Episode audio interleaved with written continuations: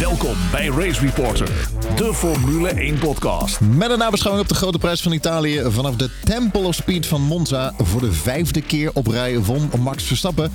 Nick de Vries is door zijn onverwachte debuut de 16e Nederlander die zich officieel een Formule 1 coureur mag noemen. De zege in Italië betekende de eerste keer dat Verstappen vijf races op rij won. Verstappen is de achtste coureur die dit voor elkaar kreeg na Vettel, Schumacher, Rosberg, Ascari, Hamilton, Mansell en Brabham. Dit was de negende race op rij waarin Verstappen minimaal één ronde aan de leiding heeft uh, gereden. Hij wordt pas de tiende coureur die negen opeenvolgende races heeft geleid. Race Reporter. Formule 1 podcast. Vanuit de Race Reporter podcast studio, aflevering 134, seizoen 6 alweer. Tijd vliegt. Ik ben Lucas Degen en ik zit hier vandaag met twee Jeroenen. Jeroen Demmedaal, autoschrijver van onder andere Volgas Magazine, NRC. En werkt aan zijn eerste boek, Formule Hopeloos. En natuurlijk, uh, je woont in Zweden. Heb jij uh, gestemd vandaag deze week? Uh, jazeker. jazeker. Ik ben uh, woensdag. Dan uh, kun je, je kunt al, al eerder stemmen en zo. Dus, en we wisten dat we dit weekend weg zouden zijn. Dus ja, ik ben woensdag netjes in de rij gaan staan hier in Gothenburg. En stem je dan op de VVD of op de PvdE? uh, ja, nou kijk, ik, ik, ga natuurlijk niet onthullen waarop ik Nee, gestemd nee, heb. want nee, dat, nee, eh, nee, nee. eh, Stemgeheim en zo. Knip ik eruit. Ehm, maar inderdaad, wij hebben ook een VVD en wij hebben ook een, ehm, eh, een GroenLinks en een D66. eh, en eh, nou ja, Eh, dus ja, tuurlijk, die hebben wij hier ook. Eh, dat soort eh, soortgelijke partijen. En hebben jullie dan ook zo'n eh, zo'n regering die dan uiteindelijk van al die partijen bij elkaar gerommeld moet worden en dan Ja. laat iedereen zijn standpunten maar weer vallen om bij elkaar te gaan zitten? Ja? Ja, ja nou, we, hebben nu, we, hebben, we hebben nu net acht jaar eh, een minderheidsregering gehad. Eh, dus er gebeurt ook eigenlijk geen klap. Want eh, Niks over, de grote, over de grote kwesties is niemand het eens. Ehm, en nu is het zo dat het linkse blok zit op 49,8 procent of zo. En het rechtse blok op 49,2 procent. Oh. En het gaat allemaal... Het, het, het, het, het, is echt precies 50-50. Dus ehm, ja, ik gok dat we gewoon weer vier jaar gridlock krijgen. Zoals ze dat in Amerika noemen. Maar dat is, nou ja, het, het, allemaal wel. Misschien moeten we straks een eh, politiek voorspelspel doen. Een politiek voorspelspel, spel, spel, spel. Ja. Misschien ook niet. Ehm, Of misschien ook niet, inderdaad. Vooral niet over de Zweedse politiek. dat eh, zou ik je niet aanraden. Jeroen Schotten is er ook volger Ja. van zowel Formule 1 als MotoGP. En ik blijf het iedere keer vragen omdat ik namelijk eh, niet volg. Eh, wat is de volgende GP in MotoGP? we krijgen de, we hadden dit weekend niks, maar we krijgen nu weer drie races achter elkaar. Ah. De Aragon, eh, Thailand en Japan. Oh, Japan ook. Ja, Japan. Ja, niet op eh, Suzuka, hè, Motegi hebben wij. Maar eh, ja, drie achter elkaar. Volgens mij heb ik het vorige keer ook al gevraagd. Maar wat is je favoriete MotoGP-circuit? Eh, ja, dat is Assen. Oh ja, en als je niet de Assen mag zeggen? Eh, ik vond uh, Brno altijd lekker, maar die zit er niet meer op Brno, ja. tegenwoordig. Tsjechië. Eh, ja, Philip Island is lekker. Ehm, ja, zoveel. Oké. Eh, ik vind de MotoGP best wel veel lekkere circuits. Bon, très bien. Eh, in deze aflevering onder andere het glorieuze debuut van Nick de Vries. Onverwacht ook de zegen van Verstappen. De VIA die weer onder vuur kwam te liggen. De gevecht in het middenveld. De vooruitblik op de Grand Prix van Singapore. En de luisteraars vragen via Twitter weer iedereen bedankt. Het weekend in Monza. Debuut van de Vries. Dat was ineens groot nieuws. Eh, eerst werd bekend volgens mij dat hij op vrijdag mocht rijden. Eh, toen bekend. Nou, op vrijdag reed hij, eh, reed hij de FP1 natuurlijk voor Aston Martin. En dat werd Ja. al een paar dagen van tevoren bekend. En vervolgens inderdaad op zaterdag werd bekend dat Alexander Albon een acute blinde darmontsteking had opgelopen. En toen mocht hij in FP3 kon hij even een uurtje wennen aan de Williams. Eh, en daarna mocht hij zich meteen kwalificeren. Ja, lachen ze. En kwalificeerde hij ook meteen zich eh, voor Nicolas Latifi. Dus dan weten we ook meteen hoe goed Nicolas Latifi is. Namelijk niet zo heel goed. Ehm, dus ja, nee, eh, dat was echt een laatste. Hij stond geloof ik, hij vertelde dat hij bij de eh, cappuccino machine stond. en naar de Formule 3 race aan het kijken was. En toen hoorde hij het. Lachen zeg.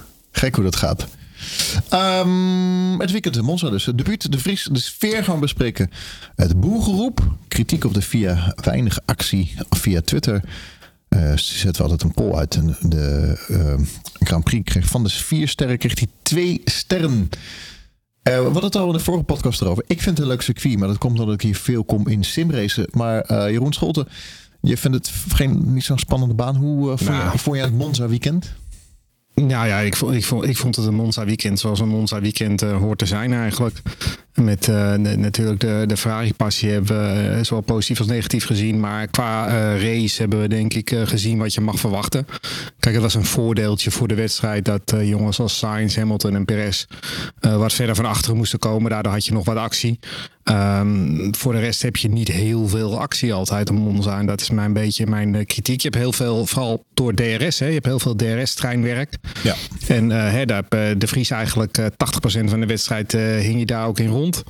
Ja, dan blijf je daar gewoon een beetje rijden waar je rijdt. En je, je, je komt niet echt vooruit. Um, het enige inhaalwerk wat je hebt is vaak aan het einde uh, van, van, het rechte stuk vlak voor de Rettevillo. Uh, de eerste bocht, daar kan je dan nog wat doen. Uh, en ja, dat zeg ik als die drie toppers niet van achter hadden gekomen, hadden we eigenlijk naar niks gekeken, denk ik. Maar al met al, ja goed, een, redelijke Grand Prix, een zesje, een 6 plus mag je het geven. Uh, voor ons Nederlanders was het natuurlijk superleuk. Ja. Omdat we met z'n allen toch wel... Ik was in ieder geval heel erg benieuwd hoe de Vries het zou doen. Ik was ook heel erg verrast, zoals iedereen natuurlijk... dat we ineens uh, op Twitter uh, berichten zagen langskomen van... hé, hey, Nick de Vries gaat rijden. Eerst denk je nog naar een flauwekulbericht. Maar ja. dat bleek echt zo te zijn. En dat maakte het natuurlijk voor ons wel heel erg leuk, ja. Zeker. Ja, dus het is een beetje een oval met een paar chicanes ertussen. Monza. Maar ja, vanuit de naam Temple of Speed. Uh, Driver of the Day, De Vries. Ja, nou ja. Jongen, had jij verwacht uh, dat De Vries het zo goed zou doen? Uh, nou, niet helemaal. Ik had wel verwacht dat hij beter zou dan Latifi. Um, maar weet je, als je zo ontzettend laat zeg maar, uh, in die auto wordt gezet. Uh, want die FP3 heeft hij natuurlijk in feite gewoon even ervoor gezorgd dat zijn stoeltje goed zit. Dat hij weet hoe alle knopjes werken. Uh, dat, hij, dat hij gewoon comfortabel is en dat hij een basis setup heeft. en als hij vervolgens dan ziet hoe hij, hoe hij dus in de um, kwalificatie goed voor de dag komt, um, zich voor uh, Latifi weet te plaatsen en dan uiteindelijk natuurlijk door alle penalties op de, de achtste of de negende startplek terechtkomt. En die hield hij uiteindelijk gewoon prima vast. Um, ik, ik, moest wel zeggen, ik, ik vroeg me af, want, want Nick de Vries heeft in het verleden, vooral in zijn eerste jaar in de Formule 2, had hij nog wel eens moeite om de banden heel te houden. Uh, bandenmanagement was niet zijn sterke punt. Ik heb iemand anders het ook maar je ziet dat hij zeggen. Ja, maar je ziet dat hij daar dus ook ont zich ontwikkeld heeft. Want hij heeft wel uh, in, die, in die slotfase heeft hij uh, achter zich gehouden. En dat deed hij heel knap. Ondanks dat hij natuurlijk op een setje mediums reed. die toch wel redelijk op waren. dus ja, uiteindelijk hij heeft me, hij heeft me positief verrast. Ja. nogmaals, ik had verwacht dat hij, dat hij Latifi het wel moeilijk zou maken. Um, maar hij heeft hem echt het snot verdogen gereden. Ja, wat ook wel denk ik wel een voordeel is voor, voor Nick is dat hij natuurlijk wel al een, eh, een behoorlijke loopbaan achter de rug heeft inmiddels. Hij heeft natuurlijk heel veel verschillende auto's gereden, heel veel verschillende raceklassen. Hij heeft om zegens, podiums, uh, titels gereden. Uh, dus hij heeft natuurlijk wel bagage met zich mee. En wat je van iedereen hoort die met hem gewerkt heeft, is dat het een hele professionele jongen is, een harde werker.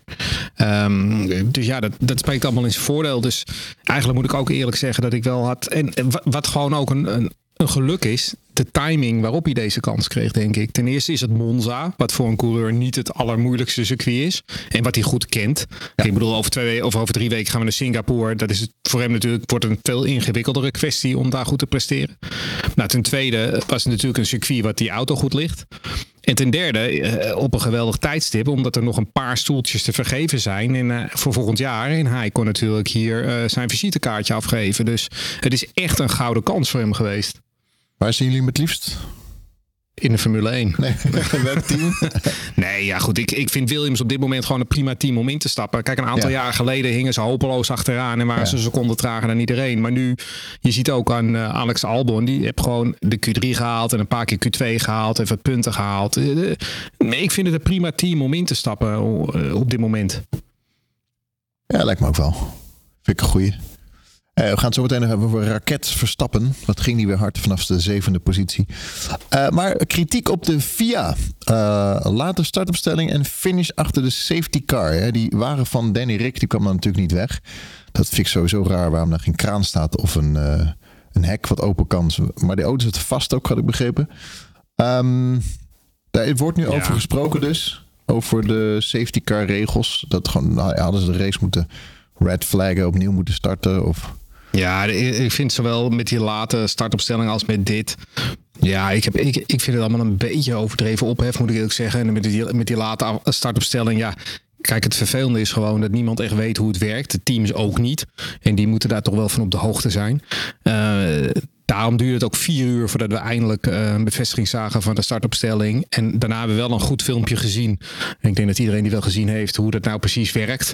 Uh, alleen ja, jammer dat dat niet heel duidelijk van tevoren al was voor iedereen. Maar goed, aan de andere kant. Uh, ik, ik, onmiddellijk te zijn, het boeit mij niet zo heel erg veel. Weet je, we weten, mensen hebben gridstraffen, dus die starten ergens in het middenveld of ergens achteraan. En ik vind het allemaal wel goed. Ik maak me daar helemaal niet zo druk om. En voor wat betreft finish achter geel. Um, ja, jij wil wat zeggen erover, Jeroen? Over dat, startopstelling? Ja, volgens mij zei ik in onze WhatsApp-groep al. het maakt het eigenlijk niet uit waar Max Verstappen start, want na vijf ronden ligt hij toch tweede. ja, um, en, de en het mooie is dus dat dat ook exact zo uitkwam, omdat hij na vijf ronden ook uh, de tweede plek weer in handen had. ja. um, maar het is wel heel grappig inderdaad dat je al die mensen die, hè, dan is zo'n dan is zo'n sessie voorbij en dan hoor je allemaal mensen op Twitter die dan met uh, de grootste uh, zekerheid weten te vermelden dat Max Verstappen toch wel zeker als vierde gaat starten. Ja. En toen dacht ik, nou, dat weet ik niet, eerlijk gezegd. Want het is namelijk de FIA. En dit, uh, dit soort gedoe, vooral als we een hoop uh, gridstraffen hebben, dan is het altijd uh, hogere wiskunde. En er is eigenlijk gewoon geen logica in te, te, bespeuren. Dus ik dacht, joh, ik wacht het lekker af. En of die nou vierde, zevende of achtste start, uiteindelijk maakt het niet uit. en laten we wel wezen, hij reed natuurlijk uiteindelijk gewoon met twee vingers in zijn neus naar die overwinning. Ja, ik, Net als in Spa. Ik vind wel, dat filmpje wat we gezien hebben, vond ik wel duidelijk maken hoe het systeem nou werkt. Alleen, wat ja. wel een probleem is, blijkbaar bij de FIA, de communicatie ook naar de teams toe. Want de teams hebben mensen dat zitten die zitten alleen maar de hele dag met hun neus in het reglementenboek om te kijken hoe het werkt. En die weten ook niet hoe het werkt. Dus daar zit nog wel een uh, discrepantie waar wat mee gedaan moet worden. Nou ja, en dat zag je ook op zondagochtend uh, bij de Formule 3. Hè? Um, want bij de Formule 3 was ook op een gegeven moment werd die race stilgelegd. En vervolgens kwamen er allemaal penalties. Ja, ja, en ja. toen, nou, die race wordt niet meer start. Uh, en uiteindelijk had niemand, niemand wist wie er nou eigenlijk uh, um, de, de, de kampioen was uiteindelijk. en dat duurde geloof ik een half uur. Um, en in dat half uur hadden ze nog makkelijk die vier rondjes nog even uit kunnen rijden die, die er nog op het programma stonden. Dus zoals zo vaak bij de FIA uh, liet de communicatie weer uit te, uh, ontzettend te wensen over. Ja. Uh, en dat is, dat is al vaker een probleem geweest. We hebben hier wel een vraag over gekregen van Thijs Jansen. Ja, dat is over de tweede situatie met de FIA. Over uh, het slot uh, van de race achter de safety car. Dat vond Thijs uh, teleurstellend. Nou ja, da daar hebben we denk ik weinig discussie over. Dat vond iedereen. wat zou een oplossing daarvoor kunnen zijn? Een snelle rode vlag met een verkorte herstartperiode of lapped cars laten zitten. Maar dan allemaal en geen Abu Dhabi situatie zegt hij er nog bij. Of hebben jullie een andere oplossing?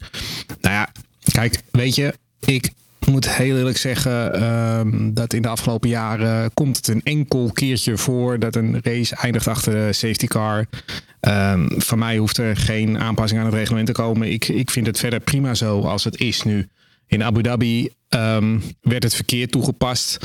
Uh, hier wordt het weer goed toegepast. Uh, op beide is heel veel kritiek. Dus wat dat betreft heeft de FIA het ook niet altijd even makkelijk. En de wedstrijdleiding ook niet. Um, ik, ja, natuurlijk, je kan met een rode vlag gaan werken. Maar er zitten ook weer nadelen aan.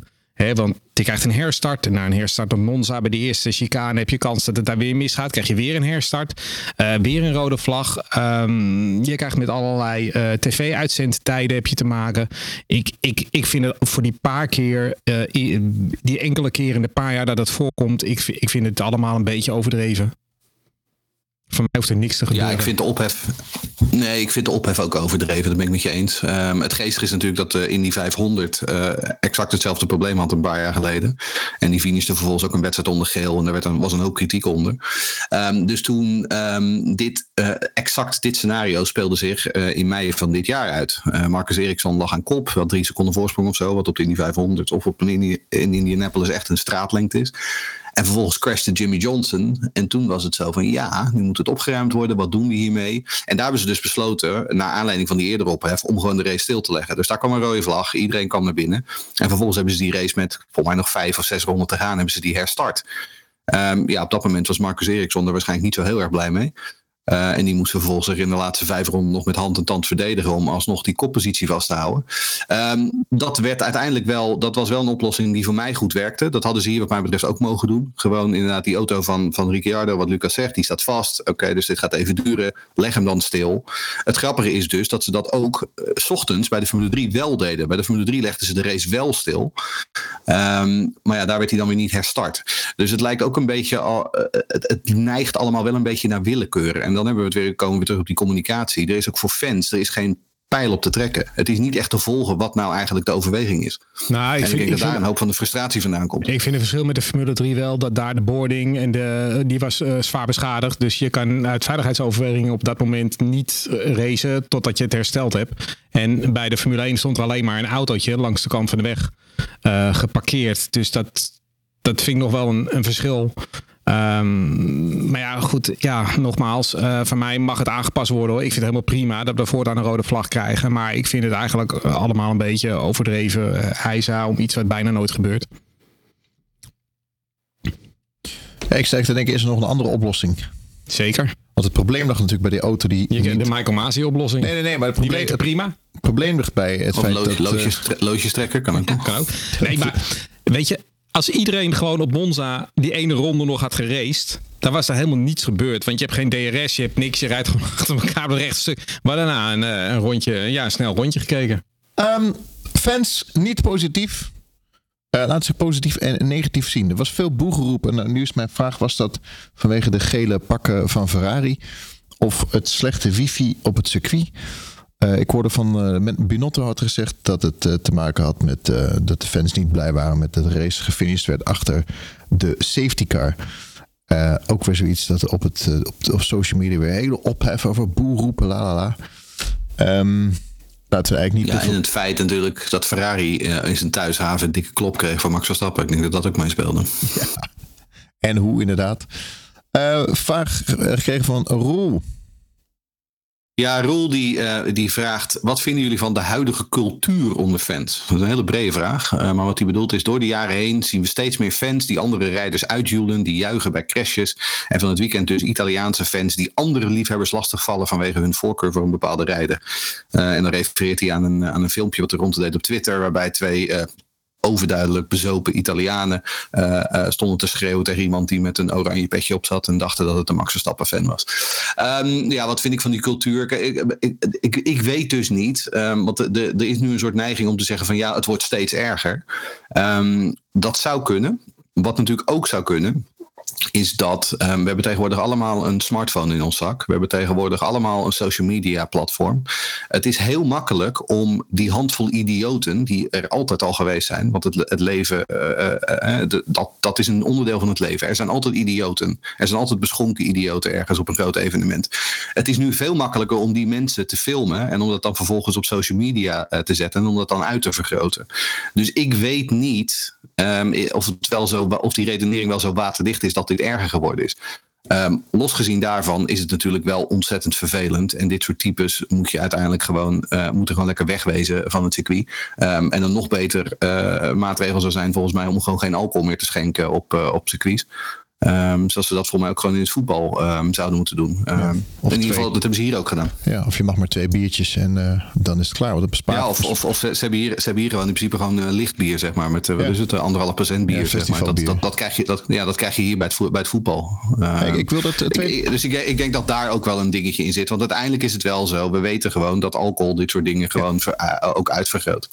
Ja, ik wil er twee dingetjes over zeggen. Ik kan me nog herinneren, toevallig ook op Monza, dat toen uh, Mika Hakkinen zich verschakelde, niet naar zijn tweede, naar zijn eerste versnelling. Dat hij, eh, dan kreeg hij stenen naar zijn hoofd geworpen. Die, daar, werd, daar werd stenen naar zijn hoofd gegooid. Ja. En dat was in 1998 of Zoiets, ja. 1999. Dus dan hebben we het over ruim vorige 20 eeuw. jaar geleden. Precies. En toen gebeurde dat ook. Want nogmaals, idioten zijn van alle tijden. Ja, Eh, het enige is alleen dat, ze nu, dat we ze nu wat makkelijker eh, op het, voor het voetlicht kunnen stellen. Ja, en twee, we hebben het nu over de Tifosi. En natuurlijk had je vroeger in de Formule 1 eigenlijk alleen de Tifosi. Maar nu hebben we de Orange Mhm. Army. Want Lewis Hamilton heeft niet echt een fanbase die een naam heeft. Ik denk dat dat er ook Nou, een beetje eh, meespeelt. Natuurlijk heeft hij veel fans, maar niet de fanatieke Ferrari Eh, met nou de grote goed, vlag. En de- het hele boegeroep eh, verhaal, dat komt wel een beetje daar vandaan. Want ik weet nog dat eh, de, de, de Rosberg, die had altijd daar heel erg veel last van. Dat was altijd Silverstone, daar kreeg hij altijd de volle laag. Dus ja, ik denk dat het in de meeste landen wel gebeurt. En eh, zeker waar fanatieke fanbases zitten, zoals hier in Nederland, zoals Italië, Engeland. Ja, Nou, we keuren het in ieder geval niet goed. En eh, inderdaad, het wordt Er veel. zullen, er zullen ongetwijfeld ook een paar eh, halve zolen geweest zijn die in de Senna-tijd eh, aan het schreeuwen waren tegen alles en iedereen die eh, bijvoorbeeld Frans was.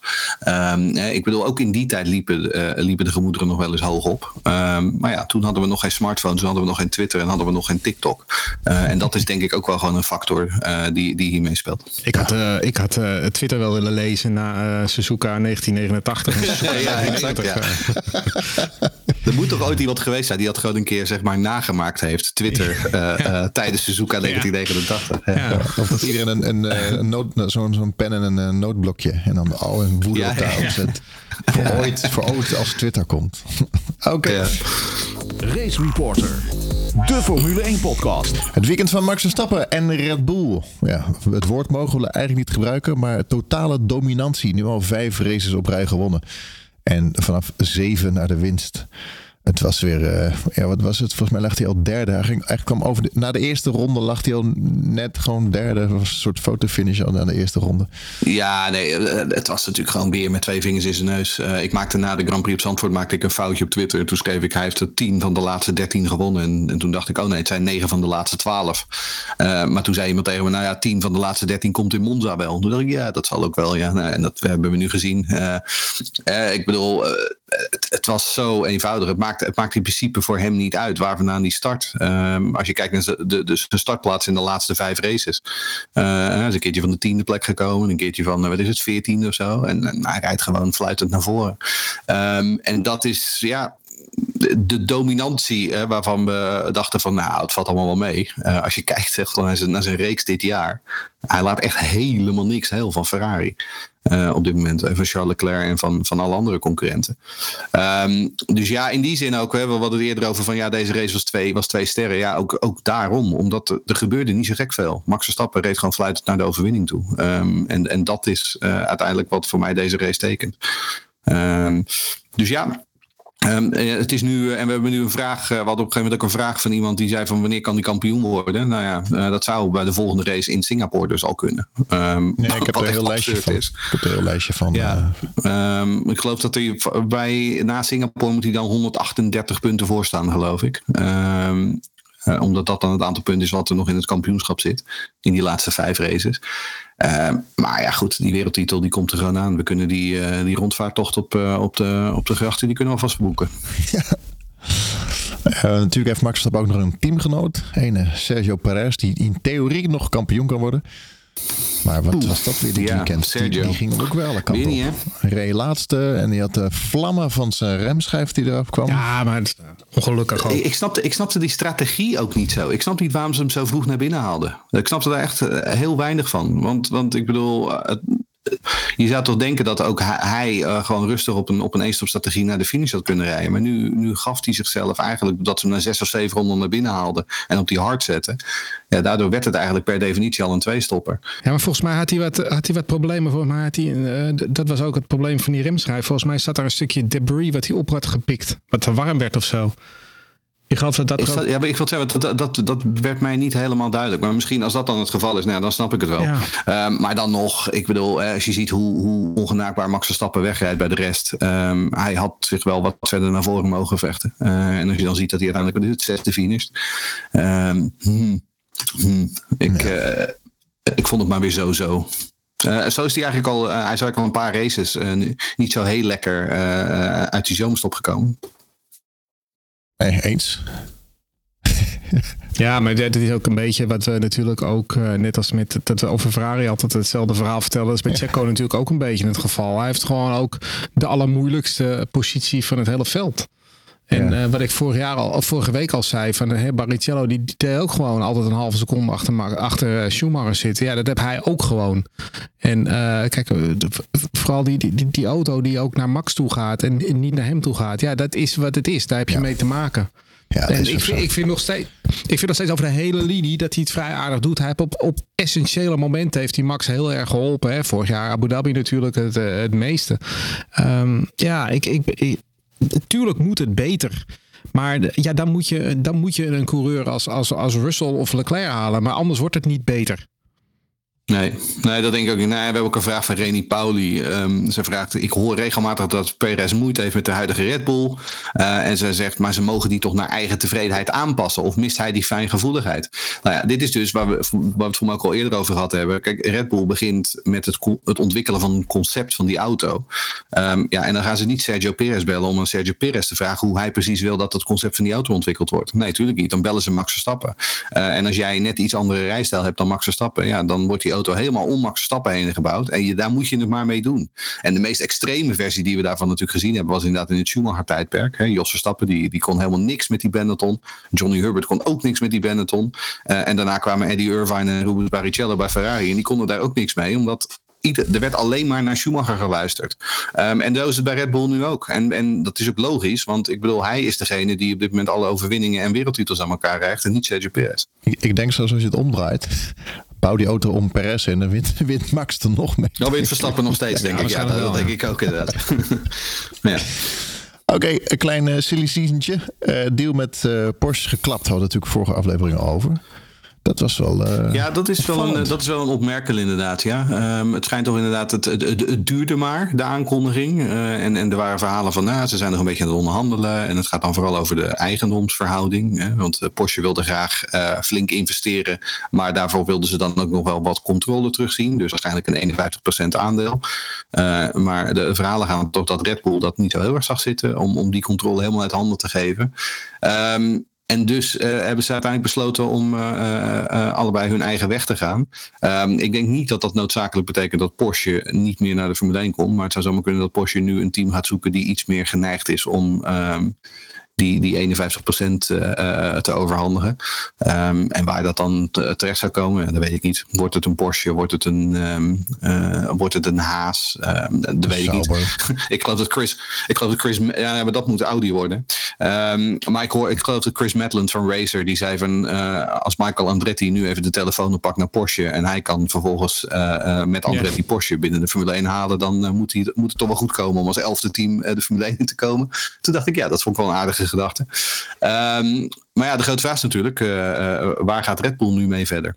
Ja, goed, de, de, mogelijkheid is er natuurlijk altijd voor Honda om terug te keren. Die, die banden zijn nog heel warm. De andere, maar ja, goed, je hebt natuurlijk ook nu Red Bull Powertrains. Dan wegen nu 300 plus mensen. Dus daar moet je ook iets mee doen. En ik neem aan dat Honda alles in zijn eigen beheer gaat doen. Dus dan wat minder weer met Powertrains zal gaan werken. Uh, het is ook heel goed mogelijk, hè? dat heeft Christian Horner ook al gezegd, om, om gewoon uh, zelf alles in eigen beheer te doen. Maar goed, daar heb ik ook wel weer wat vraagtekens bij. Want ten eerste neem je dan als motor, of als hè, uiteindelijk drankjesfabrikant Formule 1 team, neem je het dan op tegen de grootste fabrikanten ter wereld over het maken van een motor. Ik vind het vrij ambitieus. maar nog meer, hè, uiteindelijk is Red Bull Racing is gewoon een marketing tool van heel Red Bull. En dan zie ik niet de meerwaarde voor het ontwikkelen van een motor. Waarom zou je een motor gaan bouwen? Dat, dat zal, niemand zal uh, Red Bull uh, gaan kopen omdat er een motor ontwikkeld wordt. Dus ik zie commercieel gezien voor Red Bull, de drankjesfabrikant, weinig meerwaarde. terwijl het natuurlijk een enorme investering zal zijn. Ehm, maar goed, uh, Helmoet Marco heeft ook laten doorschemeren dat er nog meer fabrikanten gebeld hebben of gemaild hebben of geappt hebben. Die zeggen van nou ja, misschien zijn wij wel geïnteresseerd. Nou ja, uh, we gaan het even afwachten. De tijd is er nog. Dus we gaan het zien. Alright. Misha, zie een mooie woordspeling. De, warme, de banden zijn nog warm. Had je hem door ook? Zelf? Had je hem zelf door ook? Of, uh, uh, ik had nee. hem, ja, ik had hem door. Ja, ja, dat was helemaal expres heb ik die grap gemaakt. Ja, okay. nee, zeker. Heel goed. Race Reporter. De Formule 1 podcast. Het weekend van Nick de Vries. Onverwacht en glorieus debuut. Nou, we zeiden het al. wel niet verwacht. P9 en Driver of the Day. Ik vind het wel even een applausje waard. Nou, we hebben het er net al een beetje over gehad. Er valt niet zo heel veel meer aan toe te voegen. Hij heeft het gewoon fantastisch gedaan. Het is de 16e Formule 1 coureur uit Nederland. Ja. En uh, voor het eerst dat er twee coureurs in de, in de punten eindigden, Nederlanders dan, uh, in één race. Dus dat vind ik uh, ja, hartstikke leuk voor Nederland. En ik hoop dat die jongen hier een vervolg aan kan gaan geven volgend jaar. Dat is nog even wachten natuurlijk. Nou ja, ik moest denken aan, uh, aan mijn uh, partner in crime bij Volgas, Hans van der Klist. Die heeft natuurlijk een heel mooi boek geschreven, dwars door de Tarzanbocht, ja, over de 15 Nederlandse Formule 1 coureurs. En toen dacht ik, nou, Hans kan weer uh, aan een nieuwe editie beginnen, want er moet weer een nieuw hoofdstuk bij nu. wat nu? We hebben er inderdaad 16. Um, ja, nee, wat, wat, we net al, wat, wat ik net al zei, ik, ik denk dat hij het uiteindelijk gewoon prima gedaan heeft, gezien de omstandigheden. Um, aan de andere kant is het ook alweer, ik moet zeggen, kijk, ik, ik, wat ik, het grappige was natuurlijk dat hij een paar dagen daarvoor een interview gaf aan de, aan de Telegraaf. waarin hij zei: Ik verdien een Formule 1 zitje. Uh, en daar had ik een beetje cheeky over getweet van, nou, dat Mooi dat jij dat vindt. Ik vind van niet. Uh, lekker bijgepraat. Uh, en vervolgens werd hij natuurlijk, uh, reed hij natuurlijk nu dit weekend gewoon heel sterk. En toen kreeg ik van allerlei mensen horen. Nou, jij wil zeker wel terugkomen op je, op je uitspraken. Um, kijk, er bestaat zo'n mooi zeg, zegswijze over zwaluwen en zomer en dat soort dingen. Um, kijk, ik, ik weet nog steeds niet of Nick de Vries een lange termijn Formule 1 coureur is. Um, en ik bedoel, hij heeft er natuurlijk drie jaar over gedaan om de Formule 2 titel te winnen. in 2018 eindigde hij toch op redelijke afstand van uh, George Russell en Lando Norris. Die dat jaar allebei debutanten waren. Um, en in 2019, zijn grootste concurrent voor toen hij uh, de F2-titel won, was um, Nicolas Latifi. Nou, oké, dus dat hij beter is dan Nicolas Latifi is, dat, dat weten we. Maar, en dat heeft hij dit weekend weer laten zien. Maar ik weet niet of er in Nick de Vries echt een, lang, een, een grote Formule 1-ster uh. En ik zou het hartstikke leuk vinden als hij volgend jaar een stoeltje krijgt bij Williams. Maar um, er zijn er nog wel een paar andere die ik daar liever zou zien zitten. Um, puur gewoon op, op, op basis van wat ze, wat ze gepresteerd hebben. Een Theo Poutier, uh, een Jack Doohan uh, enzovoort. Omdat ik denk dat die gewoon meer potentieel hebben. Ja, Ronald had er ook een vraag over gesteld inderdaad. Van het, dat het Nederlands is dat je niet mag zeggen dat je iets verdient. Maar Nick niet gelijk dat hij een plek verdient. Nou ja, goed, uh, Johan heeft al een beetje gezegd. Hij vindt dat ja, mag. Ja, niet echt heel erg. Ja.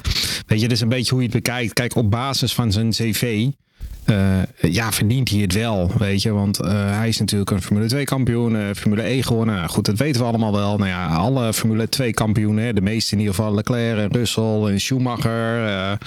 nou, wie hebben nog meer allemaal? Gasly, Van Doorn, Palmer. Dat was GP2 volgens mij, maar goed, dat telt ook allemaal. Dat, die hebben dat allemaal gehaald. Um, hij, moet, hij, heeft het nog niet gehaald als enige. Piastri gaat het volgend jaar halen.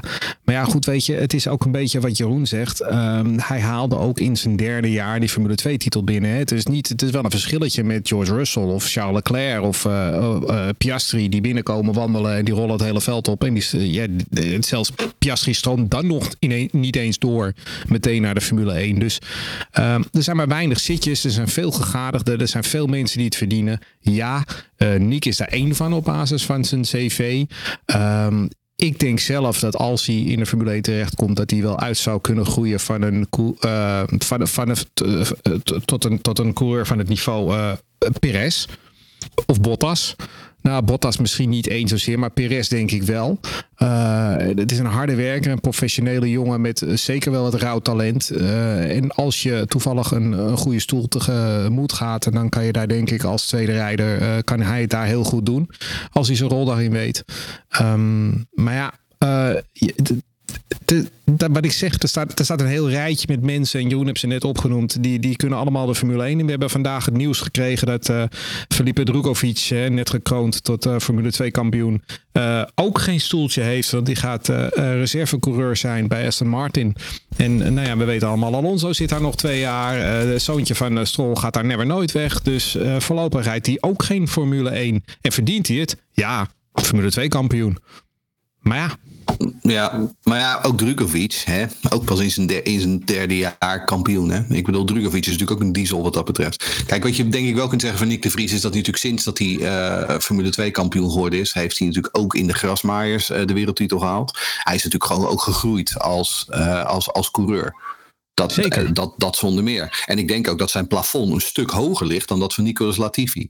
Um, kijk, wat, daar, wat dat vind ik altijd vooral aantoont. Um, eh, hoeveel geld heeft en hoeveel punten heeft Nicolas Latifi Williams de afgelopen jaren gekost. Want ja, hij neemt sponsorgeld mee. Maar met hem in de auto betekent dus ook dat iemand als Alexander Albon. die moet al het, ontwer het ontwikkelingswerk aan die auto helemaal alleen doen. Want aan de data van Latifi heeft hij helemaal niks. En dat, dat kost uiteindelijk ook gewoon op de lange termijn kost dat punten en dus zeg maar prijzengeld. Dus ik weet niet of het een soort false economy is voor Williams om, uh, om een Latifi aan te stellen. Uh, ik denk dat het vooral bewijst dat eens te meer, en dat wisten we allemaal al, dat Nicolas Latifi gewoon niks in de Formule 1 te zoeken heeft. Uh, en dat hij hopelijk volgend jaar gewoon weg is. Um, en als hij vervangen wordt door Nick de Vries, en dat er volgend jaar Nick de Vries en, en, en Alexander Albon bij Williams hebben, ik denk dat dat absoluut een stap voorwaarts is voor Williams. En, en, en dat is dan ook een, een vraag die we van Bart Jan uh, uh, krijgen. Van, dit is waarschijnlijk de meest gestelde vraag van de dag. Maar hoe groot is de kans dat de Vries volgend jaar een stoeltje heeft in de Formule 1? Nou ja, ik denk wel inderdaad. kijk, hij wordt ook genoemd bij Alpine. Um, dat zou me heel erg verbazen, als ik, als ik heel eerlijk ben. Um, ook omdat ik denk dat er iemand als Gasly daar meer voor de hand ligt. Maar bij Williams zullen ze nu wel degelijk denken van... ja, deze jongen kan toch wel wat. Uh, en is een stap voorwaarts ten opzichte van wat we nu hebben. En dan hebben we, ze hebben natuurlijk zelf dan hun protégé Logan Sargent in de Formule 2. Maar Logan Sargent, nou ja, die kan eigenlijk ook nog, nog wel een extra jaartje in de Formule 2 gebruiken. Want die maakt al erg veel fouten de laatste tijd. Um, dus het zou zomaar kunnen dat hij volgend jaar in die Williams zit. Ja. En uh, Sargent moet nog maar derde worden hè, om de punten te halen. Dat is ook, ook dat, nog ja. niet zomaar even gedaan. Uh, het is wel zo dat die Jost Capito, uh, die heeft uh, de teambaas van hem, die heeft gezegd dat, dat Nick de Vries is een vriend van hem en hij verdient de plek in de Formule 1. Dus ja, dan ga ik ervan uit dat hij hier met een mooie aanbieding komt. En dat ik, zou je denken. Ik moet eerlijk zeggen dat de Vries en Albon, dat zijn wel twee coureurs die ik op gelijk niveau schat hoor. Wat Albon kan, dat moet de Vries ja. ook kunnen. Ja, ik vond het wel opvallend ja. dat, dat je teambaas zegt dat is een vriend van me. Ja, een vriend van hem. En uh, hij verdient een plek in de Formule 1. Nou ja, goed, de 1 en 1 toch 2. Ja, ja. Dan ja, hij had ook iets gezegd toch van. Uh, dan denk je hij heeft er ook iets gezegd van het, het ligt bij Nick, zeg maar. De bal ja, ligt bij Nick. Dus het, uh, ik denk dat hij op pole position staat om daar die plek in te nemen. Maar hoe zit het met geld? Ja. Investeerder wil het volgens mij ook toch? Want Latifi geld. Ja, maar dat is natuurlijk, weet je, en dat is natuurlijk de reden waarom Latifi ooit überhaupt in die auto ja. terecht is gekomen. Omdat hij in principe gewoon Williams overeind hield. Omdat hij heeft een hele rijke papa. Uh, en daar hoort dan zo'n trademark dingetje achter. Um, want hij is net als, net, net als Stroll, zeg maar. Hè. Hij heeft gewoon een, hij heeft een papa. Uh, die heeft een hoop geïnvesteerd via zijn, via zijn bedrijven in, in Williams. Um, dus in die in, een paar jaar geleden was uh, het aantrekken van Latifi pure noodzaak. Want anders was er gewoon geen Williams meer geweest. Maar inmiddels is er een nieuwe investeerdersgroep. Uh, die lijken toch iets uh, ruimer in de slappe was te zitten. Um, en dus kunnen die nu waarschijnlijk ook gewoon gaan selecteren op basis van echt puur rijderskwaliteit. In plaats van um, dat ze voor, sponsoren, voor sponsorgeld moeten kiezen. Ja, en dat zou natuurlijk het voordeel moeten zijn van Nick de Vries. Die natuurlijk ook zijn Mercedes-link heeft. Hè. Williams rijdt met Mercedes-motoren. Toto Wolff is een manager. Um, hij zit wel in het cirkeltje wat dat betreft. Uh, in het klikje. Ja. Uh, en dat, ik denk dat dat wel een voordeel is. Ja. Wanneer loopt het contract af van Latifi?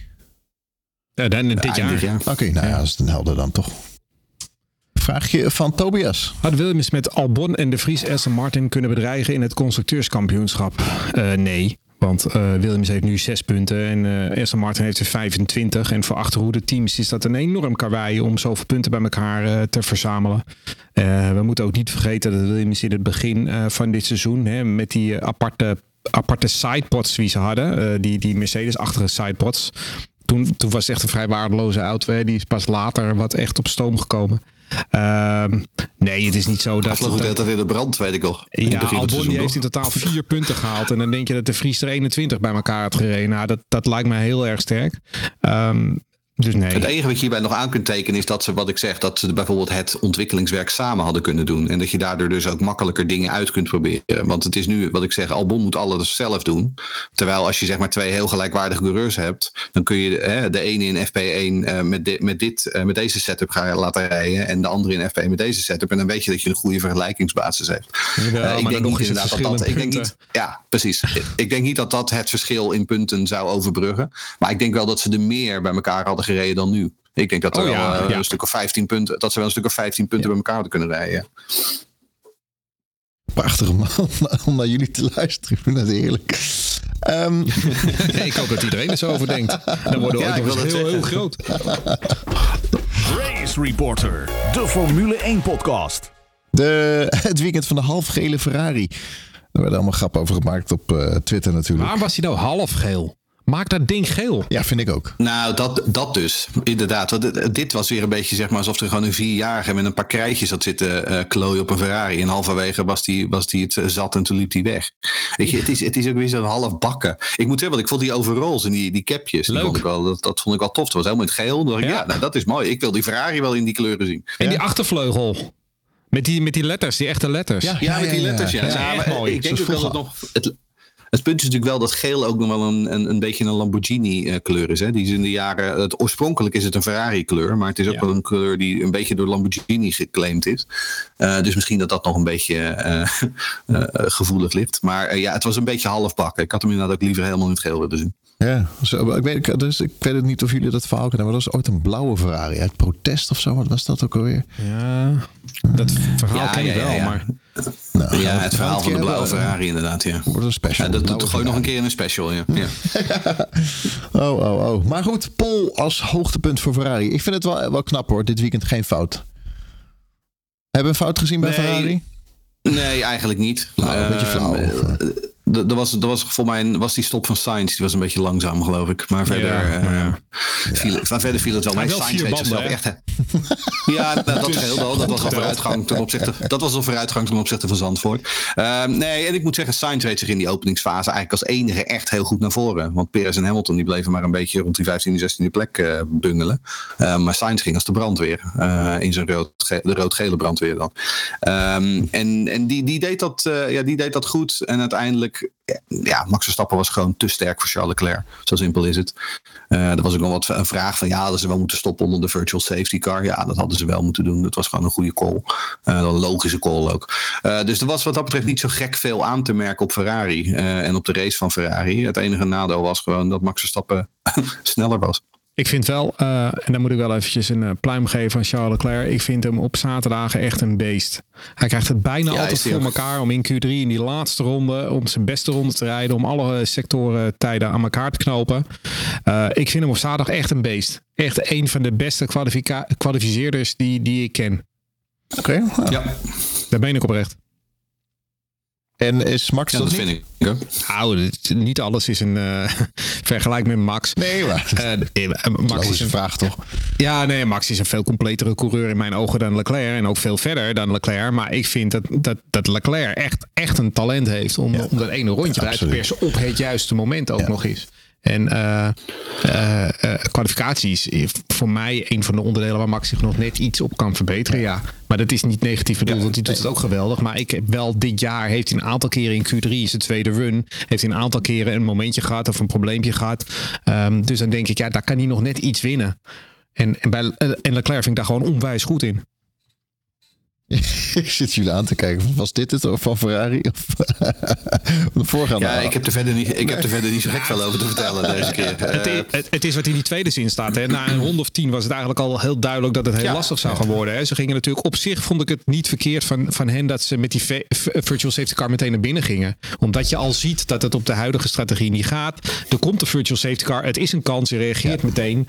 Eh, maar het was natuurlijk wel ontluisterend om te zien eigenlijk dat je dan op een gegeven moment na die, eh, was het de tweede stop, dat je met 18 seconden achterkomt en dat je geloof ik 12 rondes later was het verschil 16 seconden. Dus hij had maar twee seconden weggereden. In, en dat is wel echt ontluisterend. Ja, het is. eh, ik zat er even op te broeden. Het was een kleurvolle auto, kleurrijke auto, en een kleurloos weekend voor Ferrari. ja, Mooi. hè? Ja, nou, heel denk goed. Heel, heel, netjes. Lucas. Ja. Ja, dat is heel netjes. Race Reporter, de Formule 1 podcast. Gevecht in het middenveld. Ja, daar staat die Russell, maar dus niet echt middenveld, denk ik toch? Ons Ja, nee, maar eh, eh, eh, Hamilton.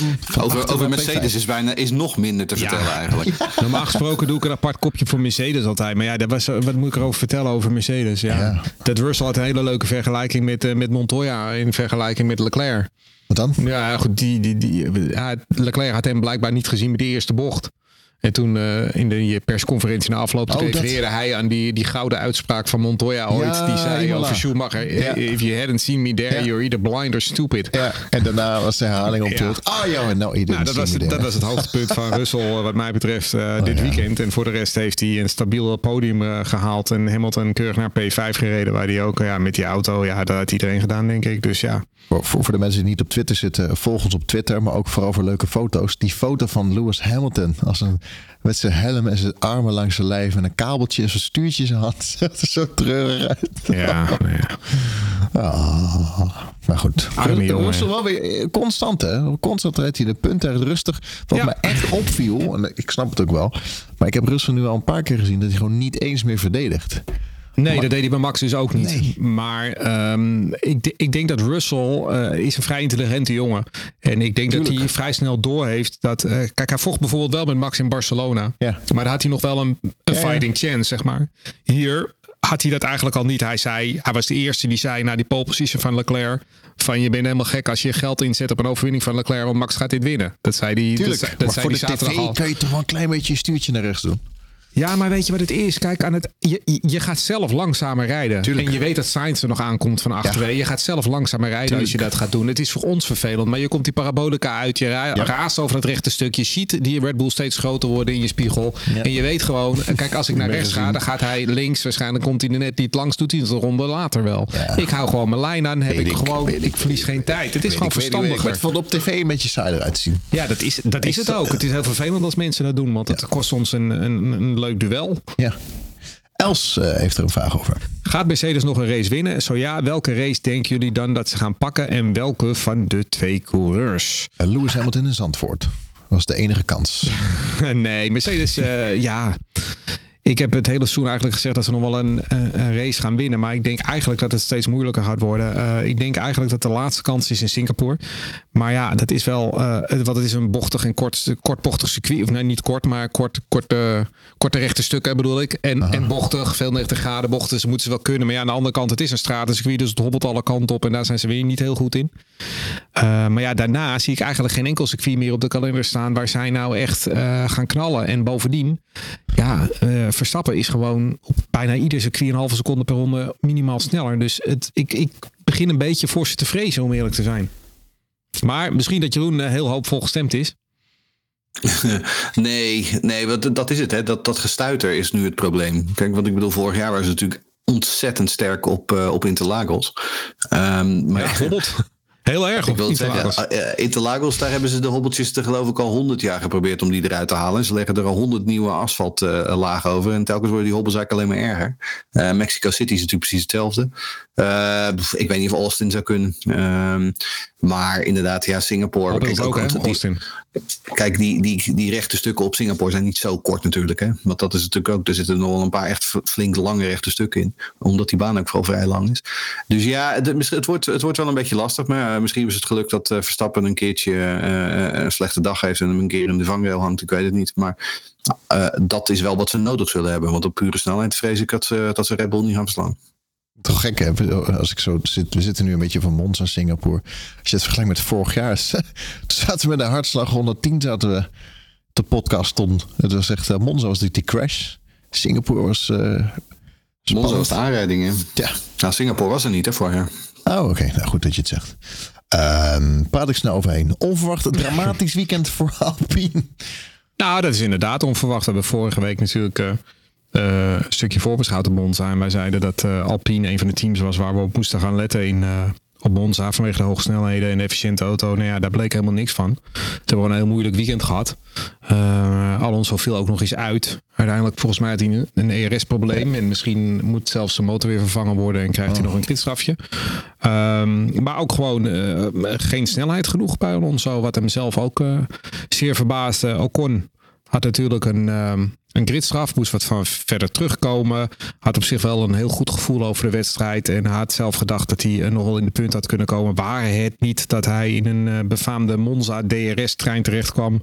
Waar je gewoon heel moeilijk uitkomt. Hè. Als iedereen DRS hebt, dan rij je lekker achter elkaar aan.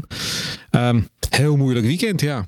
En wat ik ergste aan dit weekend vond van Alpine was, was die eh Lange Rossi. Dat is de CEO van, van, van, het, van, van Alpine. Die dan eh, nogmaals maar eens uit gaat halen naar, naar Oscar Piastri. Die dan eh, Williams af heeft gewezen. En, en Alpine heeft afgewezen. En dan denk ik, jeetje mina, je bent de CEO van zo'n firma. En dan ga je zo'n ventje. En je kan van alles vinden van Piastri en van de loyaliteit van Piastri. En, en, maar je moet er ook op een gegeven moment een streep onder zetten, denk ik. En als CEO moet je niet naar zo'n ventje nog eens uit gaan halen. Dat, Nee. dan, dan ben je voor mij ook wel heel veel sympathie kwijt. Dan denk ik, wat een, wat een naar team. Ik vind die Safnauer vind ik al een vervelende vent. En dan vind ik die Rossi ook. eh dan komt hij met zoiets. Dan denk ik, man, hou op man. Ja, is eh, heel slechte, hele slechte verliezer. hè? Zo, ja niet laat het ventje toch man. Hou, eh, het afgelopen, afgehandeld. geweld niet. Nou, vooral geweld. ook. Ik bedoel, wat, wat- nou, en wat, wat, wat, heeft het effect, wat is het effect dat je er nog mee probeert te bereiken? Want het, het helpt, je verandert er verder niks aan aan de situatie. Het is gebeurd. Ehm, het is gebeurd. Hij is weg. Hij gaat naar McLaren. Je bent hem kwijt. Ehm, je mag ook nog wel even naar jezelf kijken hoe je dit behandeld hebt. Want uiteindelijk eh, zit daar ook nog wel wat eh, haken en ogen aan. Eh, nee, het, is, ehm, ik, ik, ik, ik, het schoot mij ook een beetje in het verkeerde keelgat. Eh wat dat betreft, ik bedoel, hè, ehm, Chip Ganassi hoor je niet over Alex Palou. En die heeft een hoop meer redenen om over eh, disloyaliteit te spreken. Ehm, dus ja, ik denk inderdaad dat je dit soort dingen gewoon lekker binnenskamers moet houden. Yep. Norris had de poepstart. Wat is daar? Er was iets niet helemaal lekker. Eh, eh. nee, een softwareprobleem eh, in zijn auto. Dus daar kon hij niet zo heel veel aan doen. En hij zakte inderdaad wel een plekje of acht terug of zo. In ieder geval het was vrij dramatisch qua start. Eh, maar goed, uiteindelijk eh, wel weer eh, P7 weer eh, degelijk punten gepakt. En dat, dat, dat ligt deels aan die McLaren natuurlijk. Maar ik vind ook wel, moet ik eerlijk zeggen, dat Norris toch wel een, een coureur is die zich heel goed ontwikkeld heeft hoor. En ik had dat niet, niet, niet altijd. Ik heb hem nooit zo in het rijtje van, van, van Verstappen, Leclerc, Russell gezien. Ik heb hem altijd iets minder gevonden. Maar ik moet eerlijk zeggen, hij draagt dat team wel echt. En het valt niet altijd mee, denk ik, om dat in je eentje te doen als je teamgenoot gewoon eh, eh, systematisch niet, niet thuis geeft. Ehm, ik, vind, ik vind wel heel erg knap wat, wat Lando Norris aan het doen is. Want het is ook nog maar een jong kereltje met niet heel veel ervaring. En ook deze race weer. eh, Hij begint heel slecht. Ehm, en, en hij eindigt toch weer keurig op P7. Gewoon sterk optreden weer van hem. ja. Ja, eerlijk is eerlijk trouwens. Ricciardo reed ook een redelijk weekend. Eh, die had uiteindelijk gewoon pech. Die had, gewoon, Ja. die had gewoon pech nu, maar die zat er wel, hij zat er redelijk bij. Hij zat er veel dichterbij dan in, eh, dan in voorgaande races. Ja, hoe dan? Ehm, Waar komt het dan ik, ineens zal hem, vandaan? ik, ik zal hem deze keer geen zakkunstmest noemen. Nou ja, Oh ja. waar komt dat vandaan? In principe eh, op een circuit als Monza, waar een rijder wat minder verschil maakt, moet je er ook in principe, als je de mindere rijder bent, moet je er wat dichter op kunnen zitten. ja. Dat, dat vind ik wel. Dat is wel weer genoten, eh, genoten van eh, videobeelden. Want het zijn ook leuke so- social media beelden. Dat hij eh, op een scootertje zat te toeteren. Eh, eh, eh, ging die melodietje toeteren. De fans allemaal blij. Die heb ik gemist. Dat heb ik geretweet op onze eigen account. Maar toch heb ik hem gemist. Mooi event. Even- We gaan hem echt missen. Ehm, sterk optreden Gasly P8. Ja, leuk. De Alfa Tauri heeft natuurlijk wel een heel moeizaam seizoen. Dus dit soort optredens, ja, hij deed gewoon goed. Hij zat ook natuurlijk de hele race een beetje vast voor, eh, voor onze vriend Nick de Vries. En eh, hij zat in datzelfde DRS-treintje. Daar kom je verder niet heel erg uit. Eh, wel een hele leuke gast die na afloop eh, van de race meteen naar de Vries af. de, de Vries zat nog in zijn auto. Toen liep hij er al op af. En die, die feliciteerde hem met een goed optreden en alles. Dus dat was wel leuk om te zien. Wat, toen hij weer wegliep, toen kwamen er eh, monteurs van de Vries eh, moesten erbij komen om de Vries uit die auto te takelen. Ik weet niet of jullie dat nog gezien ja, ja, hebben. ja. Eh, Hij vroeg er zelf om. Hij kwam er niet meer uit. ja, hij staat zo uit, zoveel pijn. En eh, dat vond ik wel heel leuk om te zien trouwens. Want Formule 1 is ook weer niet zo makkelijk als dat sommige mensen denken van je gaat zitten en je gaat rustig even sturen. Dat is best nog wel fysiek inspannend hoor. Als je even- zoveel daarvoor die bochtjes moet nemen iedere keer. Even een vraagje over, want eh, als ik ga karten na 13 minuten kom, ik- kan ik ook niet meer opstaan, want ik heb geen kracht in mijn armen. Maar een rijder moet toch officieel binnen zoveel seconden uit zijn auto kunnen stappen. Dus dan is de conditie niet goed genoeg. Nou, dat zal hij ook wel kunnen als hij eh, eh, eh, fi- fit was geweest nog, Ja. zeg maar. Maar aan het einde van zo'n wedstrijd wordt het wat moeilijker. En dat is niet het moment. Kijk, ze hebben van die testjes, hè, volgens Ja, ja. mij voor het seizoen Ja, of tijdens het ja. seizoen ook. Ja. Dat je wel moet aantonen dat je inderdaad binnen zoveel seconden uit zo'n auto gaat. Maar dat doen ze nooit aan het einde van, Nee, van nee. een dergelijke wedstrijd. Doen ze dat nooit. En eh, ja, Nee, daarbij- en ik, ik denk, ik, ik vermoed ook dat hij dat als zat in die auto hoor. Want Albon is natuurlijk Nee, 1,85, geen 86 en die pedaaltjes kunnen maar bepaald moment naar voren, maar niet al te ver. Die kunnen niet helemaal naar je toe. Nou ja, ik, ik weet niet of ze een, ik weet niet of die een stoeltje had bijvoorbeeld, of ze een stoeltje voor hem eh Jij denkt dat hij hadden. stond. Eh, wat in die auto. Nee. ja, dat dacht ik. Nou, voor op zijn op zijn op zijn knieën waarschijnlijk. Ja. Dat was een flauwe Ehm, nee, maar eh, dat, ik, het zou zomaar kunnen dat hij inderdaad met een, met een, met een minder dan perfect stoeltje het moest doen. Eh, kijk, nou is het ook zo. Ik denk dat als die, als die auto in de fik staat, dan eh, zorgt de adrenaline er wel voor dat hij echt binnen vijf seconden uit die auto Ja, komt. ja, Eh, weet je, kijk, het is nu gewoon, kijk, ja, die jongen die, eh, ik weet niet hoe lang die Formule E races zijn, maar die zijn niet zo gek lang. Eh, en die auto's die dragen, dra- die eh, genereren natuurlijk ook een stuk minder G-krachten. Ja. Ehm, dus ja, ik kan me best voorstellen dat als je dit al een tijdje niet gedaan hebt, dat dit wel even, even aantikt, ja. Ja, Ehm, Mika Hakkinen heeft ook gezegd aan het einde van het rechte stuk Monza dat de tranen vocht van zijn ogen rechtdoor tegen zijn vizier aansloeg. Dat hij zo hard remt op dat stuk. bij het remmen, ja. Ja, pittig. zou kunnen. Weer een punt voor Tsoe. Ja, ja, dat klopt. Hij heeft weer een punt gescoord. Voor de rest heb ik niet zo heel veel van zijn wedstrijd meegekregen. Maar ik moet wel zeggen, eh, weer voor Bottas eh, gedaan. En Bottas valt me wel een klein beetje tegen, moet ik eerlijk zeggen. Want Zoe ehm, heb ik als talent ook weer niet zo heel hoog zitten. Ehm, werd vorig jaar natuurlijk eh, vrij op afstand tweede achter Piastri in de Formule 2. Na zoveel jaar in de Formule 2 ook weer zo'n soort talent. Ehm, maar ja, eh, eerlijk is eerlijk. Hij doet het gewoon heel goed en heel degelijk. En, en wat dat betreft ehm, eh, vind ik eh, dat, dat Bottas nog iets, iets tegenvalt. Ja, die auto is ook gewoon niet goed. Nee, Die auto is, vooral de tweede, in de tweede helft van het seizoen. Er komt gewoon echt niks uit die auto. Hij is onbetrouwbaar. Er zit veel minder snelheid in dan in het begin. Ik heb ook het idee dat ze gewoon minder eh, doorontwikkelen dan anderen. Ehm, dat de anderen gewoon sprongen Ja, maken. sowieso. En zij het gewoon niet meer bij kunnen, bij kunnen benen. Ik, ik blijf me herhalen, maar in Baku reed Bottas voor Lewis Hamilton.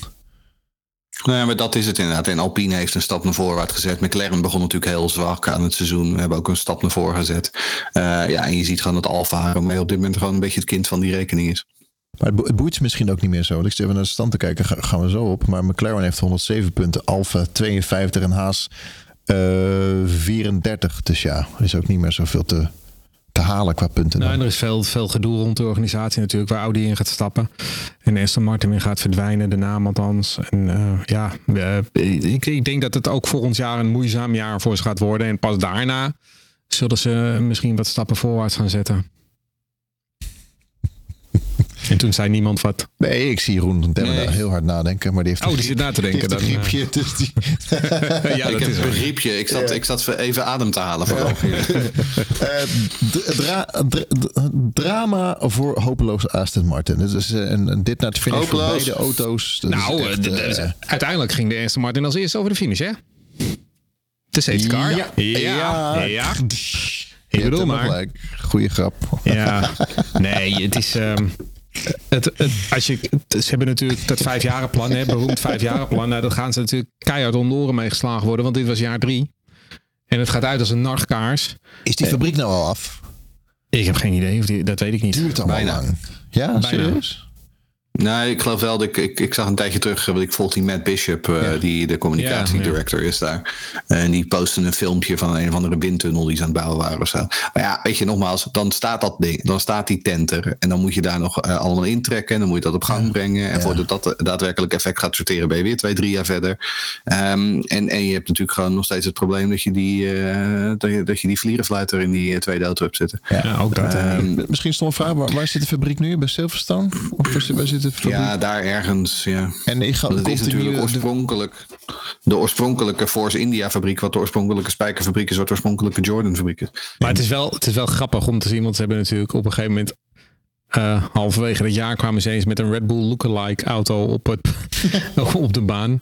En alles wat hij niet is, is een Red Bull RB18, zeg maar. Alleen qua looks. Maar Nee. voor de rest is het echt totaal niet die auto. Nee, het is... Nee, echt in de verste verte niet. Nee. nee, helemaal niet. Gewoon. Eh, ja, en dan gaat hij ook weer stuk. Hè, want ook weer eh, Vettel, die natuurlijk al vroeg wegviel met, een, eh, eh, met, met technische problemen.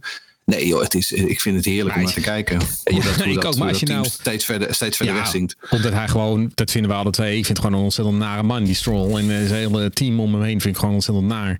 Dus, dus Heel vervelend. Ja, Ja. heel vervelende mensen. Maar als je nou gewoon kijkt, vijf jaar, we zijn nu drie jaar verder. En er zit geen enkele progressie in het hele team niet. Dus ze hebben van allerlei andere grote teams wel mensen gehaald, maar de progressie zien we niet. Nee, nou ja, en ik, ik, ik moet ook hopen, want weet je, je had het natuurlijk over Drugovic. Ik hoop toch dat hij in ieder geval goed betaald krijgt, Drugovic. Um, want die mag straks lekker uh, met zijn Formule 2 titel op zak, mag hij twee jaar lang koffie gaan halen voor Alonso. En voor um, uh, Lance Stroll. Het zoontje van en de voor baas. Lance Stroll, dat is nog erger. Ja, um, dat vooral. nee, wat ik, je moet er maar vertekenen. Minimaal twee jaar gewoon niet racen als, als Drugovic zijnde. Ik, ik heb echt geen. Ik snap er echt eerlijk gezegd geen klap van. Vooral omdat ik wat ik, wat ik hier vorige week al vertelde. Ik weet dat hij een, een, een deal bij Ganassi in IndyCar heeft afgewezen. Om dit te gaan doen. Nou ja, ik weet niet wat ze hem beloofd hebben. En het, zal, het zullen ongetwijfeld gouden bergen zijn. Maar ik snap er helemaal geen klap van. Nee, ik uh, snap het ook niet. Nee, ik, ik, ik, ik, ik vind het gewoon een verschrikkelijke familie, die hele familie Strol. Ik vind die zoon ook verschrikkelijk ja. met dat hoofd, dat zagrijnige boze hoofd. Ik kan er niet dat over hoofd. uit. Ik, ik, kan er niet over, ja, ik kan er ook nooit over uit waarom vaders het doen voor hun zonen. Als je, je, dit is net met die Latifi, die is nog veel slechter dan, dan Lance Stroll natuurlijk. Maar hij straalt niks uit. Hij is, heeft volgens mij nauwelijks fans. Het heeft geen persoonlijkheid. Hij kan niet rijden. Dan denk ik, waarom geef je... Ik weet wel dat die mensen godschuwelijk veel geld hebben. Maar waarom geef je zoveel geld uit? Terwijl je ziet dat je zoon iedere week geslacht wordt door de rest van het veld. En door, Ja, en door weet je, en als je dan- Ik snap daar niks van.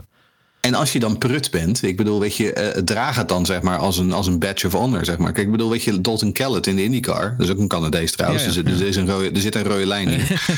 um, Canadezen met papa's. Maar ik bedoel, Dalton Kellett is in ieder geval een sympathieke knul, die weet dat hij gewoon niet goed is. Um, maar die is bijvoorbeeld op Twitter heel erg, heel erg uitgesproken en heeft Ja. echt een goede uh, persona daar, zeg maar. En heeft daardoor ook gewoon best wel veel fans, wat gewoon een hele sympathieke jongen is. Maar die Stroll, die is echt niet om uit te staan. Nee, die. Latifi, die heeft de persoonlijkheid van een pak magere yoghurt. um, is een harde werker hoor, maar ik bedoel, Latifi, daar zit echt kraak nog smaak aan. Nee. Eh, ja, weet je, en, en dan, ja, als, als dan de vraag is, eh, die jongens of, eh, of Nick de Vries in die auto, ja, iedere dag Ja, van de week honderd Nick de keer. Vries natuurlijk. Ik heb die va- honderd keer, hè. Hebben jullie die vader nog gezien van Nick de Vries? Die Hendrik Jan de Vries. Vind ik zo mooi. Voor, voor, voor Nee, afloop van de nee. wedstrijd kwam hij weer via Play. En dan staat hij met tranen in zijn ogen omdat zijn zoon gaat debuteren in de Formule 1. Dat vind ik gewoon Ah, mooi. mooi toch? Ja, nee, dat, is zou mooi. Dat, dat, dat vind ik mooi. Dat vind ik mooie vaderliefde, zeg maar. Had Charles ook toen Charles hier ging debuteren. Ja, Zijn vader helemaal. staat zijn Ja, familie hierachter. Ja, Ook in zijn eerste simrace, toch? Toen, toen, de- Ja. toen hij ging debuteren in zijn eerste simrace. Ja. ja, mooi was dat. Vraag nog van eh, Marco Post. Eh, Marco Post, ja, die wil weten waarom doen de hoge pieven zo moeilijk om het toelaten van een elfde team op de grid. Ehm, en dan gaat het natuurlijk over de hele kwestie eh, Andretti Autosport. Ehm, nou ja, dit heeft de hoge pieven eh, in dit geval, eh, dat is natuurlijk niet alleen de FIA, eh, maar dat zijn ook teambazen. Ehm, want uiteindelijk is er een soort van motorsport council waar al die teams in zitten. Eh, en daar moeten dit soort beslissingen, eh, nou niet helemaal volgens mij unaniem, maar wel grotendeels unaniem genomen worden. Ehm, en ja, die teambazen, eh, die hebben zoiets van... Als, ik een, als wij er een elfde team bij krijgen... dan moeten we dat prijzengeld en dat tv-geld eh, extra gaan delen. Dus uiteindelijk draait het gewoon om waar de hele Formule 1 om draait. Om centen. Ehm, en er, is, er is een flink aantal teambazen die er gewoon niet aan wil. Die het wel prima vinden zo met z'n tienen. Ehm, en dus, eh, ja, meneer de, eh, Dominicali van de FIA, ja, die weet zeg maar ook eh, eh, hoe de pet erbij hangt. Dus die vertelt gewoon eh, doodleuk voor de, voor, de, voor de camera's van... nee hoor, we hebben helemaal geen extra teams nodig. Nee, het is helemaal prima. Maar ja, ehm, die, die man is gewoon een buikspreekpop van, eh, van, van de Formule 1 teams in feite. Ja, en van Liberty. En van Liberty ook, ja. Race Reporter, de Formule 1 podcast. Racereporter.nl Gaan we kijken naar het kampioenschap. Verstappen zet zijn recordjacht voort met vijf overwinningen. Ehm, waar, zitten nog de, waar liggen nog de kansen bij de rijders en de teams? Even te kijken hoor. Nou, het is die tweede plek, hè. Ehm, kijk, ik bedoel, Leclerc 219, Perez 210, Russell 203. Dan een klein gaatje naar Sainz op 187 en Hamilton op 168. Dus de plekken 2 tot en met 6. Dat is nog wel spannend. Eh, dat is leuk. Uh, Ocon en Alonso, die staan inmiddels binnen 7 punten. Dus dat is ook nog wel leuk. Maar dat is vooral binnen Alpine aardig. Um, ja, en Max Verstappen, die is, wat is het, 118, nee, 116 punten los op dit moment. Um, en we hebben een vraag van Tom Plaum, waar we het voor mij eerder ook al over hadden. Die zegt met hoeveel races te gaan zal Verstappen de wereldtitel pakken. Nou, het kan dus in Singapore. Ik denk dat Singapore misschien net iets te vroeg wordt. Um, dus het zal wel Japan worden. En dan hebben we er daarna sowieso nog vier te gaan. Uh, maar Ja, nee, kijk, uiteindelijk maakt het niet uit hè, uh, wanneer die uh, kampioen wordt. Het, het feit is dat hij kampioen gaat worden. En dat daar uh, echt gewoon geen enkele twijfel meer over bestaat. Ja, er zijn wat scenario's. Ik heb het heel even, ik zal het even kort houden. Geplukt van Formule1.nl. Als Verstappen wint uh, zonder bonuspunt van snelste ronde en Leclerc wordt negende of lager, is, kampioen, is de Max kampioen. als Max dus die punt wel pakt, die 26 punten, dan is hij kampioen als Leclerc achtste of lager eindigt. Uh, Verstappen wint en Leclerc pakt een bonuspunt. Dan heeft de Monogask alsnog minstens de achtste plek nodig. Ja, Perez is ook nog een factor, toch? Ja. Ja, eh, Perez en Russell hebben nog kans op de titel. Maar wat dit eigenlijk illustreert is dat dus uh, Singapore onwaarschijnlijk Ja, is, maar het is wel mogelijk dat hij daar kampioen wordt. Ehm, en het is eigenlijk vrijwel zeker dat hij in Japan kampioen wordt. Omdat dan zeg maar, je hebt nog een race minder, dus 26 punten minder in het eh, kampioenschap. En, en Honda. Ja, en dan tegen die tijd. En Honda. Het, kijk, het zou dat zou natuurlijk wel mooi zijn. Hè, als die inderdaad in het land van Honda eh, eh, die tweede wereldtitel eh, binnenkopt. Dat zou natuurlijk ik mooi hoop- zijn. hoop dus dat, daar ga ik van. Ik ga zelf uit van Japan. Ja, Ik hoop dat ze dan weer met die witte Red Bull komt.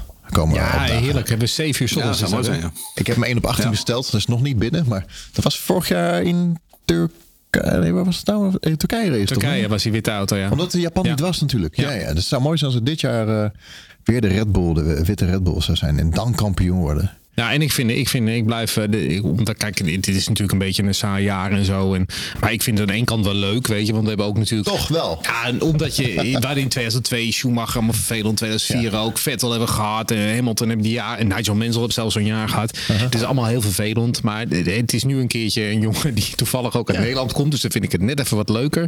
En nu moet hij ook maar al die records gaan pakken, dus meer dan 13 zegens, dus dat is nog drie keer winnen. En hij moet eigenlijk ook gewoon eh, die reeks van Vettel eruit rijden, gewoon van negen overwinningen op rij. Hij heeft er nu vijf, hij kan er nog zes winnen, hij kan gewoon naar elf gaan. En een keer land op de maan. En het is gewoon niet eens onmogelijk, want ja, ik, Ja, dat klopt. Ik, ik, ja, het, het, het- hij kan natuurlijk een keertje stuk gaan of een ongelukje hebben of weet ik veel wat. Maar ik, ik zie op dit moment eigenlijk niemand die, eh, die hem van een Nou, overwinning ik wil eigenlijk ook. Ik wil eigenlijk ook dat hij in Abu Dhabi hem eigenlijk gewoon achterstevoren wint. Dat hij dan dus gewoon, zeg maar, de laatste ronde. Ja. Dat hij dan in die laatste bocht, dat hij hem dan in een donut gooit. En dat hij dan achterstevoren gewoon in zijn reverse over de finishlijn rijdt. Als je nou de definitieve, absolute eh headtip tegen. En, en, en eh, hoe zeg je dat? Ehm, het, het, de- het de, eh, ehm, eh, motiveren van de concurrentie wil doen, dan moet Ja, je dat, dat doen. is- dat in de laatste goed, race, ja. laatste bocht, gewoon achterstevoren over die finishlijn heen komen. Dat lijkt me heerlijk. Ehm, maar goed, verder het kampioenschap eh, bij de constructeurs. ehm, nou ja, Red Bull is inmiddels echt wel uitzichtbaar. Maar Ferrari, Mercedes, dat is toch nog wel een beetje spannend. Daar zit op dit moment eh, eh, 35 punten tussen. Dus dat kan nog. Mercedes en Ferrari, dat wordt nog spannend. Alpine, McLaren. zeker. Eh, McLaren heeft dus een beetje ingelopen. ehm, maar er zitten nog steeds 18 punten tussen. Eh, en dan Haas en Alfa Tauri. Eh, die extra puntjes van, eh, van Gasly. Dat is interessant. Alfa Tauri heeft er nu 33 en Haas heeft er 34. Dus gaat Haas die zevende plek vasthouden. Eh, ook omdat Haas natuurlijk de afgelopen vijf races eh, niet in de buurt van de punten geweest is. Dus die moeten wel een beetje vorm terugvinden nog. Als, eh, als ze die zevende plek vast willen houden.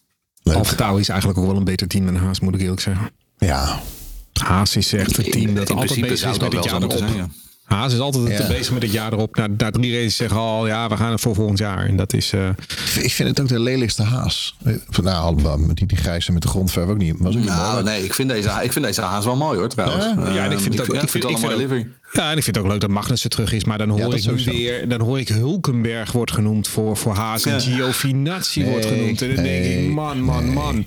Het is geen Heel 2010. fantasieloos, dat hebben we echt allemaal al gehad, man. Maar wie, ik vraag het volgens mij iedere keer. Is er nog nieuws voor eh, sponsoren bij Haas? Ze moeten daar toch op de salesafdeling toch wel... Jongens, hier folder, sponsor ons.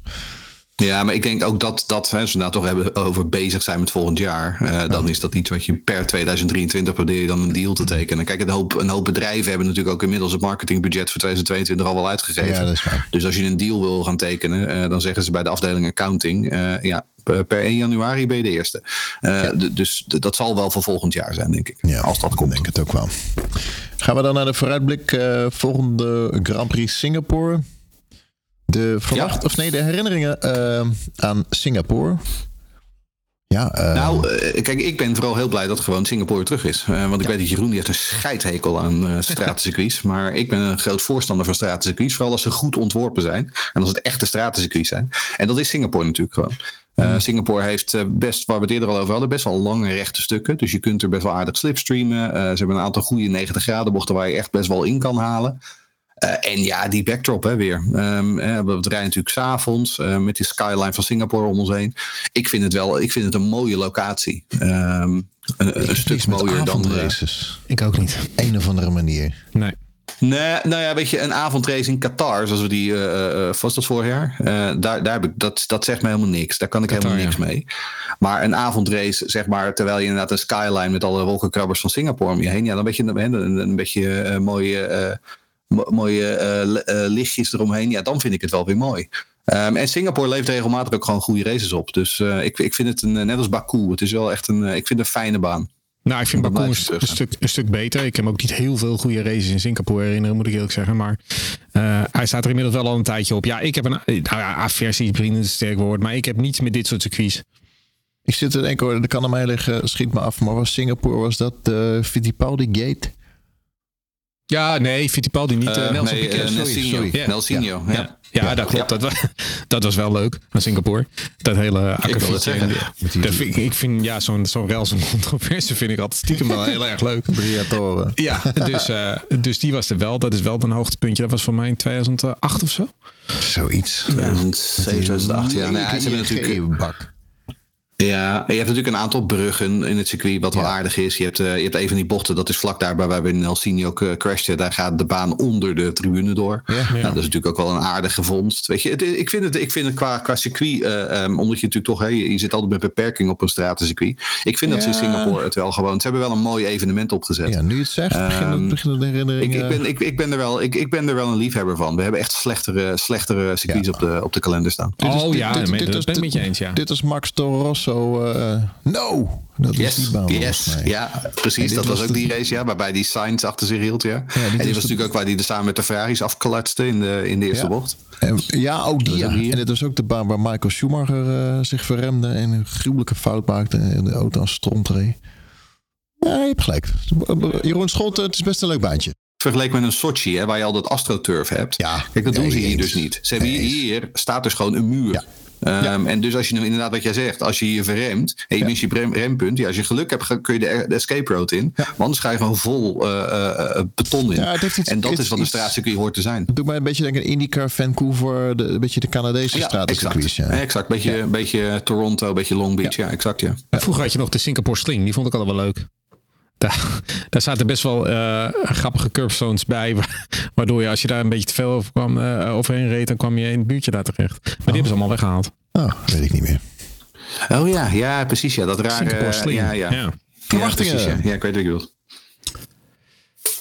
Ja, verwachtingen. Ja, vrij ik denk, ja, wie zal ik denk dat Red Bull. Ja, ja nou, ik denk dat Red Bull en Max Verstappen hier gewoon weer vooraan uh, mee gaan doen. Ja, ja nee, goed. Kijk, er komt natuurlijk een dag, dan wint hij niet. Dat ja. weten we allemaal. Ja. Uh, dus we moeten ervan niet zo lang het duurt. Maar hij maakt natuurlijk wel weer een grote kans. Ja, een goede kans. Ja, het is, uh, Red Bull heeft tot nu toe alle stratenraces gewonnen. Hè. Dit zijn er eigenlijk drie echte stratenraces tot nu toe geweest. Monaco, uh, Saudi-Arabië en hoe heet die? Baku. Baku.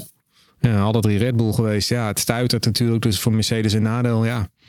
Um, ja, ik verwacht er niet zoveel van. Ik Melbourne ook een straatcircuit doen? Melbourne?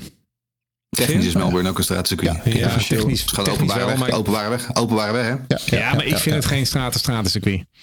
Ik oh, vind... Oké. Okay. Nee, ik vind het geen straten. Nou, dat is dan geregeld. Ja, ik vind dat. En...